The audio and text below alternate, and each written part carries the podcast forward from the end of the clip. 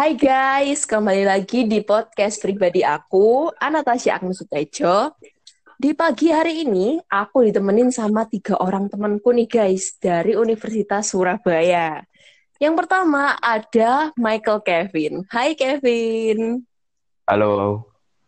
Yang kedua ada Felix Jiwono. Hai pendengar-pendengar Agnes. Hai.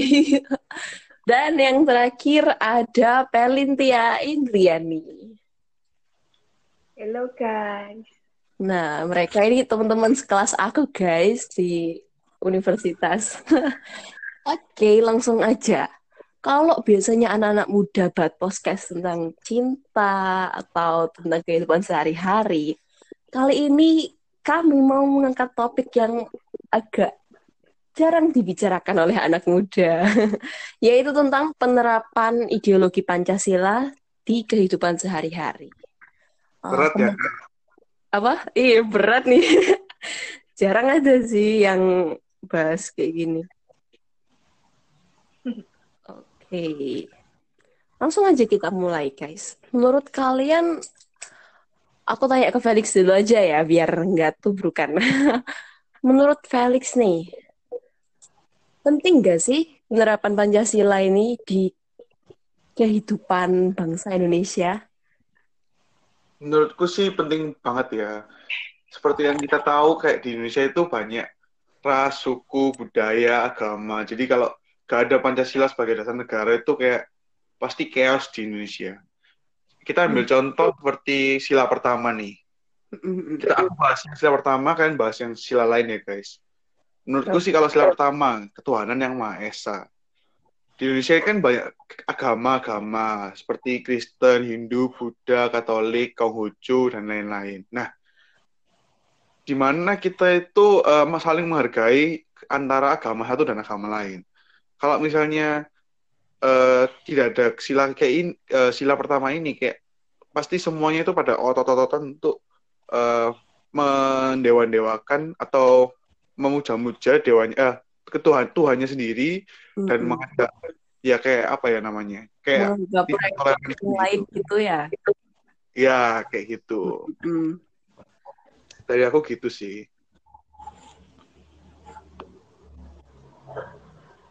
Gimana nih kalau yang lainnya?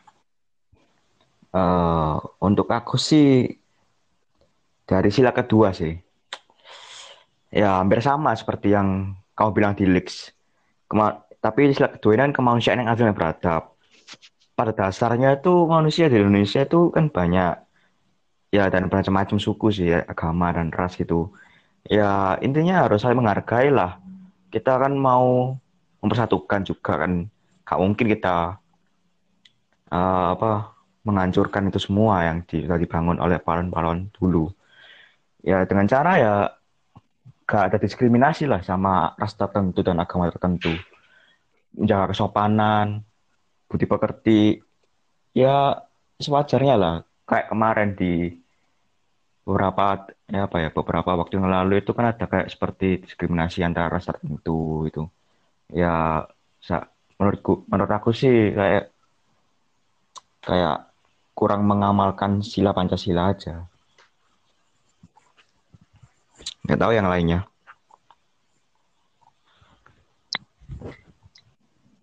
Kalau Pelin gimana? Uh, kalau aku, aku sila ketiga ya. Nah, sila ketiga yeah. ini kan kesatuan Indonesia.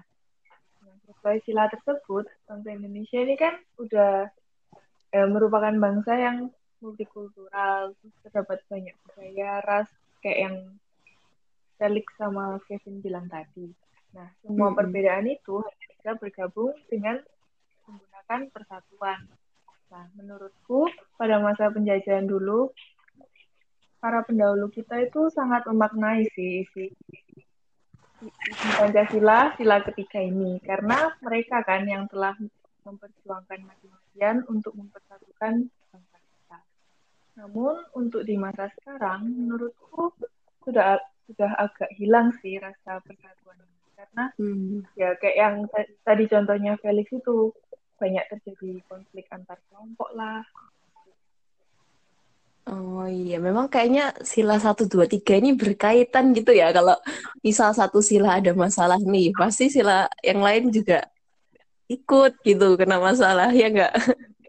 Iya. Iya, kayaknya semuanya Iya, tuh. Memang saling berkaitan sih. Terus lanjut nih, Kak, sila keempat. Gimana menurut kalian sila keempat ini, penerapannya di Indonesia? Eh, sebentar, bentar. Sila keempat ini kan sila yang paling panjang gitu ya. Kalian ada yang inget nggak, guys? Aku ingat, aku ingat. Oh, iya, iya. Gimana, Eh, gimana? Sila keempat kan isinya kerakyatan yang dipimpin oleh hikmat kebijaksanaan dalam permusyawaratan perwakilan. Widih. Jadi Heeh. Itu gak Google kan, bro? eh, enggak lah. Aku ini bro. Kita SD setiap hari Senin upacara bahasnya itu, ya kan? Hmm, gitu ya. Gimana, Iya. Kak? Itu kan sulit banget sih, Kak. Bahasanya terlalu tinggi lah buat aku pribadi ya. Kamu bisa nggak sih kayak jelasin pakai bahasa yang lebih sederhana gitu, Kak? Oh iya, jadi eh kerakyatan yang dipimpin oleh hikmat kebijaksanaan dalam permusyawaratan perwakilan. Jadi kayak eh, setiap ada masalah di Indonesia itu biasanya diselesaikan dengan musyawarah mufakat gitu. Cuman pada akhir-akhir ini itu banyak di mana para pemimpin Indonesia itu eh, kayak apa ya ambil tindakan sendiri gitu tentang apa yang jadi peraturan kayak gitu untuk mengambil keputusan dalam memutuskan per- peraturan-peraturan yang ada di Indonesia. Hmm, Jadi bisa sebutin contohnya nggak? Peraturan yang mana yang diputusin sendiri lah anggapannya sama pemerintah. Eh, kita ambil contoh seperti baru-baru ini eh, investasi miras gitu misalnya yang ditandatangani Oh. oleh Presiden Jokowi, ya nggak Hmm. sih? Iya, iya. Itu- Gimana itu?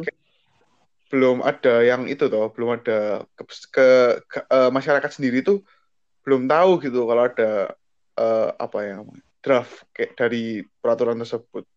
Kayak waktu baru ditandatangani nih, baru viral, baru kita masyarakat Indonesia tahu kayak gitu. Hmm, hmm, hmm. Tapi kan tau gua udah dihapus Nah kan. itu bagusnya Presiden Jokowi itu eh, mau mendengarkan saran dari umat apa umat misalnya dari masyarakatnya Umat berarti. ulama-ulama di Indonesia para petinggi eh, apa namanya agama di Indonesia Presiden tuh mendengarkan jadi kayak akhirnya dibatalkan tuh kayak gitu. Kok aku sendiri eh, kok kita sebagai ini ya pembawa acaranya nih ngerti nggak sih ap- kenapa kok Pancasila ini di sebagai dasar negara gitu? Ya udah dari sila kelima deh. Gimana Agnes menurutmu? Agnes? Agnes? Halo? Halo? halo Agnes Halo? Halo? Iya, Dengar suaraku nggak? dengar Oh, kok? Iya, iya. Sila kelima itu yang keadilan sosial bagi seluruh rakyat Indonesia itu ya. Betul itu ya, yang itu kan? iya masa kamu? Oke, oke. Takut aja kebalik. Tapi kayaknya nggak deh. Ya, keadilan sosial ya. Menurut aku pribadi sih kalau dari pusatnya ya, kita sebagai eh, kalau kita memposisikan diri sebagai presiden, tentunya kita pasti pingin kalau rakyat ini dapat keadilan yang sama, yang rata semua. Karena semua kan sama di mata hukum. Kan gitu ya. Terus tapi ya ini dia, itu tadi kebijakan-kebijakan dari presiden kan nggak bisa langsung tuh nyampai ke rakyatnya, ke individu rakyatnya masing-masing. Harus lewat wakil rakyat dulu. Nah, di situ itu menurut aku di mana kebijakannya presiden untuk rakyat yang seharusnya untuk rakyat tapi jadi eh ya istilahnya mampet gitu loh di wakil rakyatnya disalahgunakan kan banyak yang gitu tuh kasusnya di Indonesia ya enggak sih iya Benar, iya benar. benar benar tuh kayak harga-harga di, di Jawa tuh beda nggak sih Hmm. sama harga-harga di Papua di nah Papua lebih iya Ya, gimana sih. di Papua kenapa nih gimana di Papua katamu tadi harga-harga kayak BBM gitu lebih mahal. Tapi Hmm. presiden ya bagusnya di pemerintahan Jokowi ini sudah mau gitu untuk menyetarakan di Yes. Jawa di daerah lain. Makanya presiden kita sering itu ya kunjungan kan ke pelosok-pelosok negeri. Ya gak sih? Iya. Buat gitu. ngeceknya tadi. Ya udah deh. Ini apa? Balin? Menurutku kalau untuk ke Papua itu susah ditransportnya sih. Makanya lebih mahal. Hmm. Ya juga sih. Tapi ya gimana?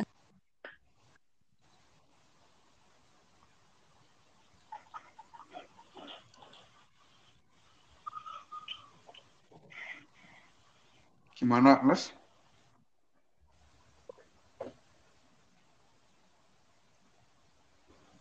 Agnes? Halo? Iya. Ya, pertanyaan terakhir nih ya, guys. Menurut kalian, apa yang bakalan terjadi kalau di Indonesia ini nggak ada Pancasila, nggak ada nilai-nilai Pancasila yang diterapkan di kehidupan sehari-hari? Gimana guys menurut kalian? Aku mulai dari Kevin dulu aja deh. Gimana, Vin? Eh, kalau menurut aku sih gini-gini, Pancasila ada kan untuk untuk apa ya, bilang bilangnya ya, untuk meningkatkan rasa sikap empati dan jiwa, dan jiwa sosial dari Indonesia sendiri. Nah, jika itu hilang kan kayak sepertinya kayak udah gak ada rasa empati antara satu sama lain.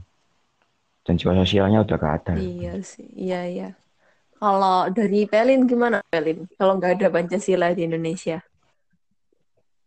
Eh, lanjutin dari yang punya Kevin tadi kan, kalau udah nggak ada rasa empati, pasti negara kita akan hancur. Hmm. Hubungan antara masyarakat sama pemerintah pasti juga bakalan hancur. Terus bakal ada keributan di mana-mana juga. Iya ya. Iya sih kayak yang tadi udah kita bahas ya kalau ada kri apa kalau ada masalah dalam penerapan sila satu pasti sila-sila yang lain juga kena. Kalau yang terakhir nih Felix, gimana Lix? Menurutmu Lix? Ya, kayaknya sih sudah disebutkan semua sama Kevin ya. Mhm. Eh, sama Pelin. Jadi kayak ya pasti adanya keributan, apa kericuan massa kayak gitu. Terus ada pemberontakan di be- berbagai wilayah karena merasa tidak adil dan lain-lain. Ya kayak gitu sih kalau nggak ada Pancasila. Hmm, iya sih betul juga. Jadi kalau menurut aku ya, kalau aku rangkum dari tiga jawaban kalian, eh, dari Pancasila ini yang paling nonjol dan paling harus diterapkan ya. Kalau menurut aku pribadi itu rasa toleransinya itu sih. Rasa toleransi terus itu bersikap adil. Pokoknya nggak mendahulukan mendahulukan kepentingan negara dulu baru kepentingan pribadi harusnya gitu sih. Hmm. Ya kayak gitu.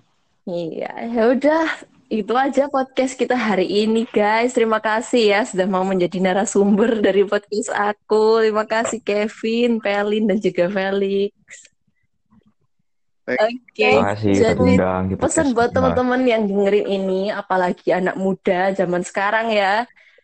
Kita sebagai anak muda ini generasi milenial bangsa. Jangan sampai kita ninggalin nilai-nilai Pancasila yang sudah dirumuskan dengan ya setengah mati oleh pendahulu-pendahulu kita, teman-teman. Ini semua juga buat kepentingan kehidupan kita di masa yang akan mendatang untuk anak cucu kita ya. Jadi ayolah kita sebagai anak muda kita harus saling toleransi dan menerapkan nilai-nilai Pancasila tentunya itu. Oke.